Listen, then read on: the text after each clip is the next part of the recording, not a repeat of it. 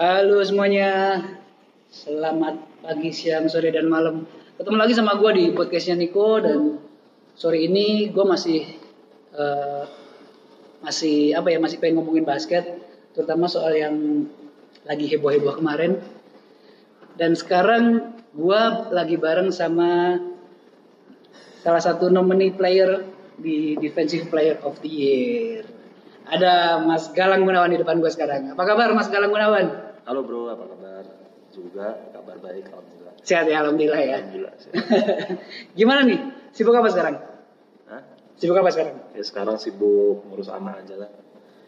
Sama paling ngurus beberapa eh, ngurus ini aja mau buka usaha di Jogja gitu. Oh iya denger-denger yang itu ya, uh, Slam Dunk Inc yang kemarin di STC ya, di Senayan ya kalau Yes, salah ya. betul. Dan Ini- sekarang di Boyong ke Jogja ya. Ya ini mau buka yang di Jogja. ya. Semoga lancar gue ya. Semoga, Amin amin amin. Doain. semoga lebih rame dari Amin, amin. apa dari pas Jakarta kemarin. Amin amin. Siap. Sama satu lagi nih lagi nyiapin gitu ya kayaknya ya. Lagi nyiapin apa namanya? Besos ya. Iya betul betul lagi. Sama-sama berdoa ya semoga pandemi cepat kelar. Semoga gesosnya rame. Amin amin. Thank you Apa bro. namanya bro? Kalau nggak salah, Ini mau bangun semacam villa lah, namanya Villa Arha. Arha tuh nama saya, nama, nama anak saya. Oke, Ya. Arka, Villa Arka ya. Yes, Di Jogja juga ya. yes, betul. Siap. Nah, eh, langsung aja nih, Yuk. bro. Kita ngomongin basket. Yuk, Eh, apa nih rencana musim depan? pensiun. Nggak, kayaknya nggak mikir nih nanya apa jawabnya ya langsung pensiun ya. Jangan dulu lah, potensinya Ya, masih kita gede. lihat nanti lah. Kayaknya sih pensiun, tapi ya nggak tahu juga lah. Tapi masih Kalau ada yang beri nawaran yang nggak bisa ditolak, ya nggak tahu juga kan. Oh berarti belum pasti ya masih season depan akan tetap di Lovre Yang pasti atau- sekarang mau ngabisin kontrak dulu sama Lovre sampai akhir November. Ya, itu dulu aja deh. Nanti soal musim depan apa gimana nanti selesai kontrak baru bisa jawab lah ya. Oke, jadi masih ada terikat kontrak sama Yes. Lovre. Yes. Tapi kalau ngeliat dari obrolan-obrolan sama bosnya Lovre kemarin, kayaknya Mas Galang Gunawan ini salah satu pemain yang menurut saya sih, di- prediksi sih bakal terus dipertahankan. Gimana? Kalau Iya. misalnya ditawarin kontrak, ya tergantung angkanya sih ya. Nggak tahu nggak tahu belum tahu belum tahu belum bisa jawab. Karena menurut saya pribadi sih, seorang Galang Gunawan juga pemain pemain kunci ya kemarin di Lovre ya. Terbukti dengan berhasil men- meraih meraih defensive player eh meraih apa sorry dinominasikan jadi defensive player of the year. Eh, gimana tuh bro? Kepleset ya kayaknya nggak jadi dapat ya. Mau cerita, mau cerita nggak? Karena gini, eh, mungkin yang belum tahu teman-teman di podcastnya Niko yang belum tahu, Galang Gunawan ini eh, ini musim ketiganya dia untuk dinominasikan jadi Defensive Player of the Year yang kebetulan di dua musim sebelumnya bersaing sama pemain-pemain asing. Dan dan musim ini eh, kebetulan eh, sistemnya dirubah ya. Jadi tidak lagi disandingkan dengan pemain asing tapi semua nominasinya adalah pemain lokal. Hmm. tapi gagal lagi bro gimana tuh ada itu nggak mau cerita atau kenapa gitu? Sebelumnya tak ralat dulu bro. Oh, gimana? Aku- eh, saya ralat dulu ya. Hah? Eh, ini tuh musim keempat ya sama pemain asing. Eh, oh iya sorry musim maksudnya tiga musim sebelumnya Musim keempat IBL pakai pemain asing. Yes. Ya. Terus saya ini pas musim eh, pakai musim IBL pakai sistem pakai pemain asing pertama itu saya masuk nominasi. Musim kedua saya nggak nggak masuk karena emang eh, apa waktu itu minat bandnya eh, cedera atau apa ya waktu pokoknya agak jarang main berkurang ya? berkurang lah. Terus musim ketiga kemarin masuk lagi pas di DPJ waktu kemarin tuh. Nah jadi dua kali sempat masuk jadi nominasi. Terus baru ini musim keempat akhirnya sistemnya diubah.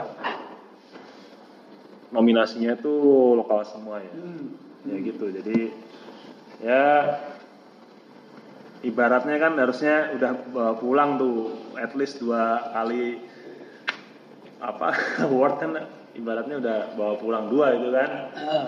makanya ya ini musim keempat ternyata lihat meka- sistem dan mekanisme penilaiannya ternyata ya sepertinya kurang fair gitu aja makanya saya mencurahkan itu semua karena ya ini udah puncaknya lah ya kayak udah nggak kuat lagi udah saya gini aja udah gitu Eh, eh, jadi musim ini memang disandingkan sama pemain-pemain lokal ya. Ya, musim ini sebenarnya lebih fair dalam sistem nominasinya ya. Nominasinya emang dibuat lokal lokal semua gitu. Kalau sebelumnya kan kalau untuk kategori defense kan masih di- digabungin kan. Beda ada MVP, MVP ada MVP asing, ada MVP lokal. Harusnya lah kan ya. untuk defense juga sama aja kan.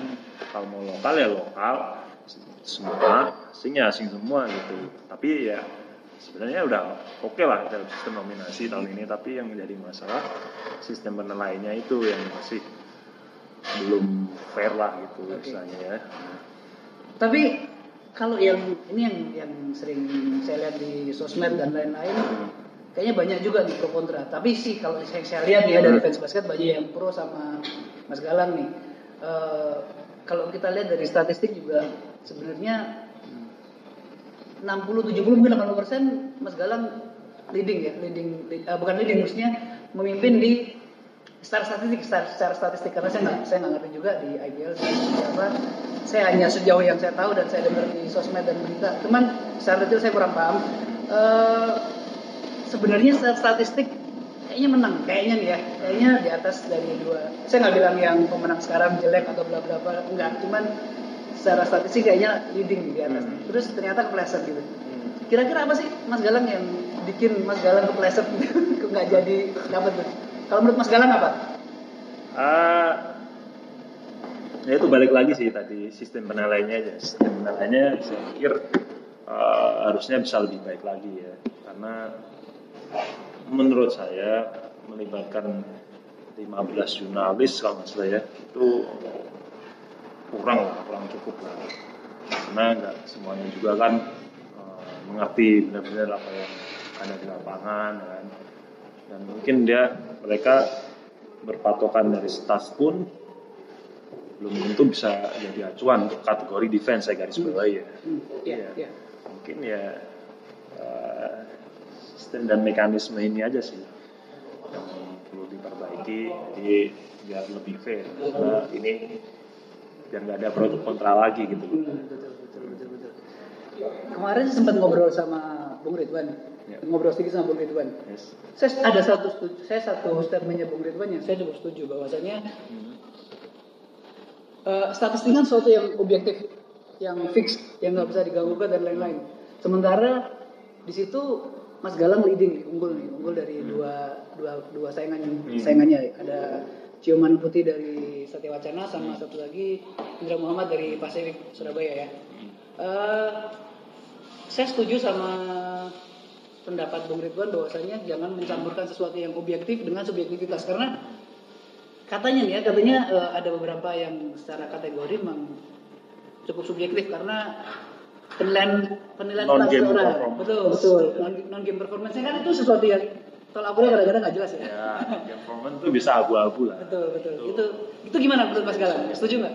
Saya kembali lagi bicara soal defense, saya kurang setuju sebenarnya dengan misalnya karena apa? Eh, penilaian non non apa game performance itu seperti contohnya kita harus sikap misalnya sikap kita terhadap lawan. Supaya kan sorry sorry ya kalau defense tuh keras bos ya kan? Betul. defense tuh keras bos. Di lapangan tuh kalau mau defense baik defense bagus defense yang kuat yang tangguh itu memang keras. Kadang kadang eh, kita butuh respon kadang kita butuh intimidasi lawan. Dan itu kalau dikaitkan dengan sistem penilaian eh, dengan sikap terhadap lawan ya nggak nyambung kayaknya itu kayaknya berlawanan banget. Padahal sebenarnya itu bagian dari defense Yes, gitu. nah itu dia. Makanya eh, saya pikir ini perlu dipertimbangkan lagi ya untuk eh, apa namanya poin ini. Karena ya orang-orang bisa menilai lah ini di defense saya pikir eh, abu-abu abu-abu ya ya. mungkin akan lebih baik kalau memang ke depannya akan ada eh, pemain favorit media gitu ya itu beda cerita ya Nah itu beda cerita ya. Kalau saya malah menyarankan gini, kita menilai nggak cuma non game performance, tapi non stats performance. balik lagi ngomong defense. Karena non-stat performance itu di defense itu banyak sekali. Contohnya apa? Uh, kita have defense, kadang uh, apa? Kita box out, terus ya itu mungkin restop, intimidasi lawan gitu-gitu. Non non stats, tapi itu membantu sekali kadang dalam defense gitu. Cukup krusial ya. Iya betul. Dan itu belum bisa diukur dengan statistik yang ada di Indonesia sekarang. Seperti contohnya kita jaga one on one, kita bikin pemain yang kita jaga kesulitan sampai dia turnover itu belum ada di stats di Indonesia sekarang. Jadi itu belum sedetail itu ya? Iya betul. Makanya kalau mau mau menambahin mungkin ya non, non stats performance itu bukan okay. non game performance yang menjadi abu-abu gitu kan. iya how to be a nice player. Di lapangan tuh beda cerita bro. Ya? beda cerita. Kalau dulu di zaman dulu sebelum IPL itu ada namanya uh, the sportman sportmanship ya. Nah itu ada sendiri itu beda ya? Sportmanship tuh. Yang menang itu pasti subjektif lah. Karena itu memang kita melihat dari sosok kan. Hmm. ya, waktu itu yang menang Marcianto beberapa kali menang. Iya pada, pada secara skill dan secara secara permainan tanpa mengecilkan seorang iya. Marcianto itu uh, ya rata-rata lah ya. Iya. bukan dia pemain jelek cuman size-nya besar memang dan lain-lain ya, tapi secara statistik dia tidak cukup menonjol. Enggak karena emang yang dinilai kan sportmanship. Yes, betul. jadi kita yang menilainya jadi subjektif lah kita based on stats dan lain-lain kan. Jadi kita based on uh, gimana perilaku dia gitu ya gitu ya nah ini juga saya sempat baca di salah satu sosmed nih ada ada komen-komen yang balik lagi ke soal subjektif sama objektivitas ya main. Ini bahas soal seorang Tiffan nih ada yang bilang Ivan kalah cuma ini mungkin salah satu ya salah satu tugas dari saya saya saya baca di salah satu unggahan di mana ada yang komen-komen gitu di fan basket Indonesia kalau nggak salah. Itu ada yang bilang Ivan kalah di rookie game itu eh sorry rookie player of the year itu cuman gara-gara dia jarang senyum sama jarang ngobrol nanti kalau saya punya kesempatan ngobrol sama Tiwan akan saya tanyakan juga itu oke. Harus harus tanyain.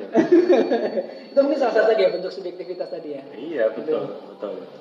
Betul. Makanya ini sangat abu-abu lah kalau ada masukan dari dan games performance kan jadi abu-abu. Hmm, Oke. Okay. Semoga jadi masukan buat IBL juga iya, ya, betul. ataupun siapa pun operator betul. operator basket ke depannya. Hmm. Oke, okay. uh, eh, Mas Galang. Yes. Secara keseluruhan kan IBL di cancel di detik-detik terakhir lah ya, yeah. padahal sudah mau selesai segala macam. Yeah. Secara tim saya menanya secara tim, achieve nggak sih target tim itu sebenarnya? Walaupun saya nggak bilang, nggak bisa dibilang udah gol ya, yeah. golnya apa, cuman so far gitu sampai detik ini sebenarnya secara tim sudah mendekati apa mendekati achieve nggak sih targetnya Lovre? Uh, Lovre? Sebenarnya kalau kita lihat dari hasil akhir sih kalau tanpa timnas ya. Indonesia Padras itu kita ada di posisi 4 ya. Hmm. Dalam artian kita masih empat besar lah di ya. Indonesia ya. Dan empat besar ya. Iya betul. Dan memang kita ada target masih masuk dalam empat besar sih. Jadi saya rasa sih kita masih masih masuk lah dengan target. Targetnya masih masuk ya. Ya harapannya sih sebenarnya kalau misalnya tidak dilanjutkan ya at least final gitu. Dapat Tapi ya? Iya pengennya. Tapi kan akhirnya dibatalin kan, jadi ya ya udah. Kalau nggak salah ingat tuh Lovre itu setiap serinya cuma kesandung di Bandung ya, yang Yes. World, World Series kalau menurut saya yeah, yeah, World, World Series-nya itu di Bandung ya. Yes. Dua kali back to back kalah yeah, yeah. lawan tim yang sebenarnya kalau nggak salah ingat bisa bisa ambil. Bisa, bisa. bisa. Lawan Terus SM bisa. Lawan SM ya. Ya karena kita pengen lihat uh, eh, SM kemudian Pelita Jaya itu dapat dapat kalau yang saya lihat juga dapat saingan berat tahun ini seri ini uh, sorry season ini dari Lovre gitu. Yeah. Lovre juga punya ada seorang Galang Gunawan, ada Wenas, ada Wenda. Pemain asingnya? Pemain asingnya luar biasa nggak mau sebut, iya. tapi kita sama-sama tahu iya. gimana pemain asing. Asingnya punya uh, pengalaman juga. Dia, betul. Luar biasa. Hmm. Terus target tahun depan apa, Mas Galang? Loh. Tadi kan saya udah tanya nih. Tadi kan saya udah tanya nih. Saya mau nanya lagi kenapa? Karena saya pribadi masih pengen lihat seorang Galang Gunawan di lapangan. At least untuk membuktikan bahwa tahun ini gagal dapat itu ah membuktikan kita buktikan buat tahun depan itu harapan saya seorang Galang Gunan membuktikan bahwa kualitas emang dia masih punya gitu. Oh. Dan membuktikan apa gitu ya? Sebenarnya nggak ada yang mau dibuktiin sih. Nggak tahu juga sih ini belum belum bisa ini. Tapi kalau main, misal, misal, misal masih mau main satu dua tahun lagi, Ya, eh, ada nggak sih klub yang pengen ini tanpa mengurangi hormat saya sama kontraknya di Lovre? Hmm. Kalau diperpanjang sama Lovre, oke di Lovre. Tapi di selain Lovre nih, ada opsi itu kalau bisa milih main di mana? Balik ke Jogja mungkin? nggak, nggak tahu mas, nggak tahu uh, lebih tepatnya. Pokoknya kalau misal saya mau main lagi, itu pasti saya melihat satu hal, seberapa kuat tim itu uh, untuk mengarungi musim selanjutnya. Itu aja sih. Karena gimana? Karena apalagi yang saya cari sih satu, satu doang. Saya pengen juara pensiun udah itu aja. ya berhenti di Udah itu aja sih ya. Juara sudah pernah. Ya pernah. Iya kalau mau bicara apa target ini ya udah itu aja sih paling. Kalau target Pengen- pribadi pengen juara aja ya. Kalau target pribadi nggak ada. Nah, apa kayak of the year sebenarnya saya nggak peduli itu bukan. Cuman ya, kan udah saya jelasin Yes. kenapa kan. Ya. Saya udah ada kok itu. Gua ada, ada tuh di rumah tuh. Sudah dapat ya. Iya, harusnya ya dapat lima gitu kan. Cuman lebih ke target eh, apa ya? eh, Iya, pensiun iya, pensiun di betul. saat Itu, ya? iya kayak duduk, kayak si. Faisal, Gunawan, Iya. di senior-senior saya di Satria Muda. Jadi pensiun pas juara itu kan asik banget tuh. ya luar biasa ya. Iya, jadi Oke. pensiun di titik puncak kan itu kayaknya sangat menarik. Itu aja sih. Tapi saya nggak kemungkinan juga sih, nggak tahu juga ya kalau ada tawaran yang bisa ditolak kan Betul, ya nggak tahu juga kan. Iya. Kadang-kadang kadang-kadang kalah sama beras ya. Iya tapi itu nomor dua sih nomor satu tetap itu aja. ya, ya setuju. Bagaimana tim itu ke depannya aja sebenarnya. Terus di luar basket, eh, sorry, setelah pensiun ini kira-kira ada masih pengen Pensiun? melakukan sesuatu di basket nggak? Jadi coaching coaching staff mungkin belajar nge-coach atau mulai nge-coach atau mulai buka sekolah basket mungkin Belum tahu sih. belum pikiran ya. Belum pikiran paling ngurusin apa yang udah ada aja. Mungkin Yes. kayak mungkin kalau pengambilan saya ke basket mungkin ya saya kan ada toko basket tuh mungkin saya bisa dari Dalam situ. bentuk yang lain, ya atau mungkin saya ingin juga sih kayak bikin lapangan basket punya lapangan X3 sendiri atau lapangan satu lapangan kalau memungkinkan kan ya pengen aja sih tapi kita lihat nanti lah Oke. satu-satu dulu lah gitu Oke, ya. bro. eh best teammate selama di karir profesional siapa? estimate Eh, yang apa ya? Kan sudah pernah main di SM, pernah main di Bandung juga, di Jogja, dan sekarang di Surabaya. Itu empat kota yang berbeda, empat tim dan semuanya luar biasa. Teammate, best teammate yang pernah main bareng. masing-masing ada kelebihan dan kekurangannya. Atau gini aja, kalau tahun depan jadi franchise player dan boleh bawa satu pemain siapa yang mau diajak? Di mana pun mainnya. Di mana pun mainnya Kemarin saya sempat nanya sama eh, sempat dengar obrolan sama Wenas Wenas pengen ngajak seorang Adi Pratama Hmm. untuk nemenin Mas Galang katanya Hmm. di Lovre. Tapi ternyata Adi Pratama kita dengar pensiun ya Hmm, musim ini dia tuh musim depan. Nah kalau sekarang seorang Galang Gunawan ditanya siapa yang pengen dibawa gitu kalau pengen main di satu tim.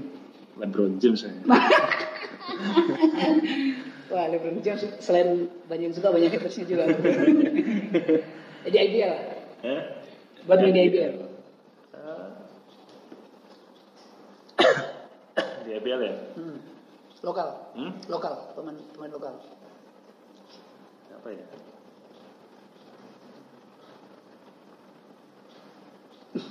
Agak susah ya belum kepikiran ya.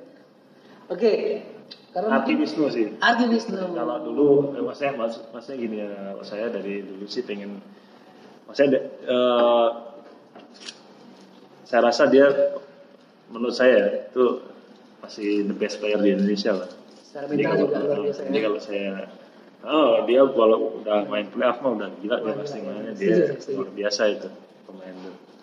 Ya, kalau dan saya juga pernah punya pengalaman yang menyenangkan juga sama dia kan pernah juara Pernah bareng. juara bareng, ya. saya rasa kalau itu mungkin arti kali ya arti di sini. Kalau kalau big man sih Koming tuh sebenarnya tapi Koming kan udah pensiun Udah pensiun kan ya. Iya, betul. Kalau lawan paling berat, Hah? lawan paling Nggak berat ada. yang dijaga, Nggak nggak ada ada, ya. nggak ada Karena semua sama ya, Lokal kan? lokal. Nggak ada. Nggak ada ya? Serius. Nggak ada. ya? Karena semua, Hah? saya nggak ngurusin. Kalau asing, karena gini, eh, seorang Stephen Goodman juga ngeklaim bahwa nih sorry sorry eh, anjing dijaga galang tuh susah banget ya. Sempat gitu loh maksudnya, sempat dia sempat sempat sempat sempat sempat eh, statement bahwa dijaga galang itu buat dia susah banget, neraka banget. Gitu. Sekarang siapa? Kalau menurut seorang Galang Gunawan, pemain asing paling bisa dijaga. Paling sulit ya. Dior Lover kan? Jangan. iya, itu Saya mau nyebut nama ini tadi sebenarnya uh, Dior Lohon cuman Dior Lover iya dia.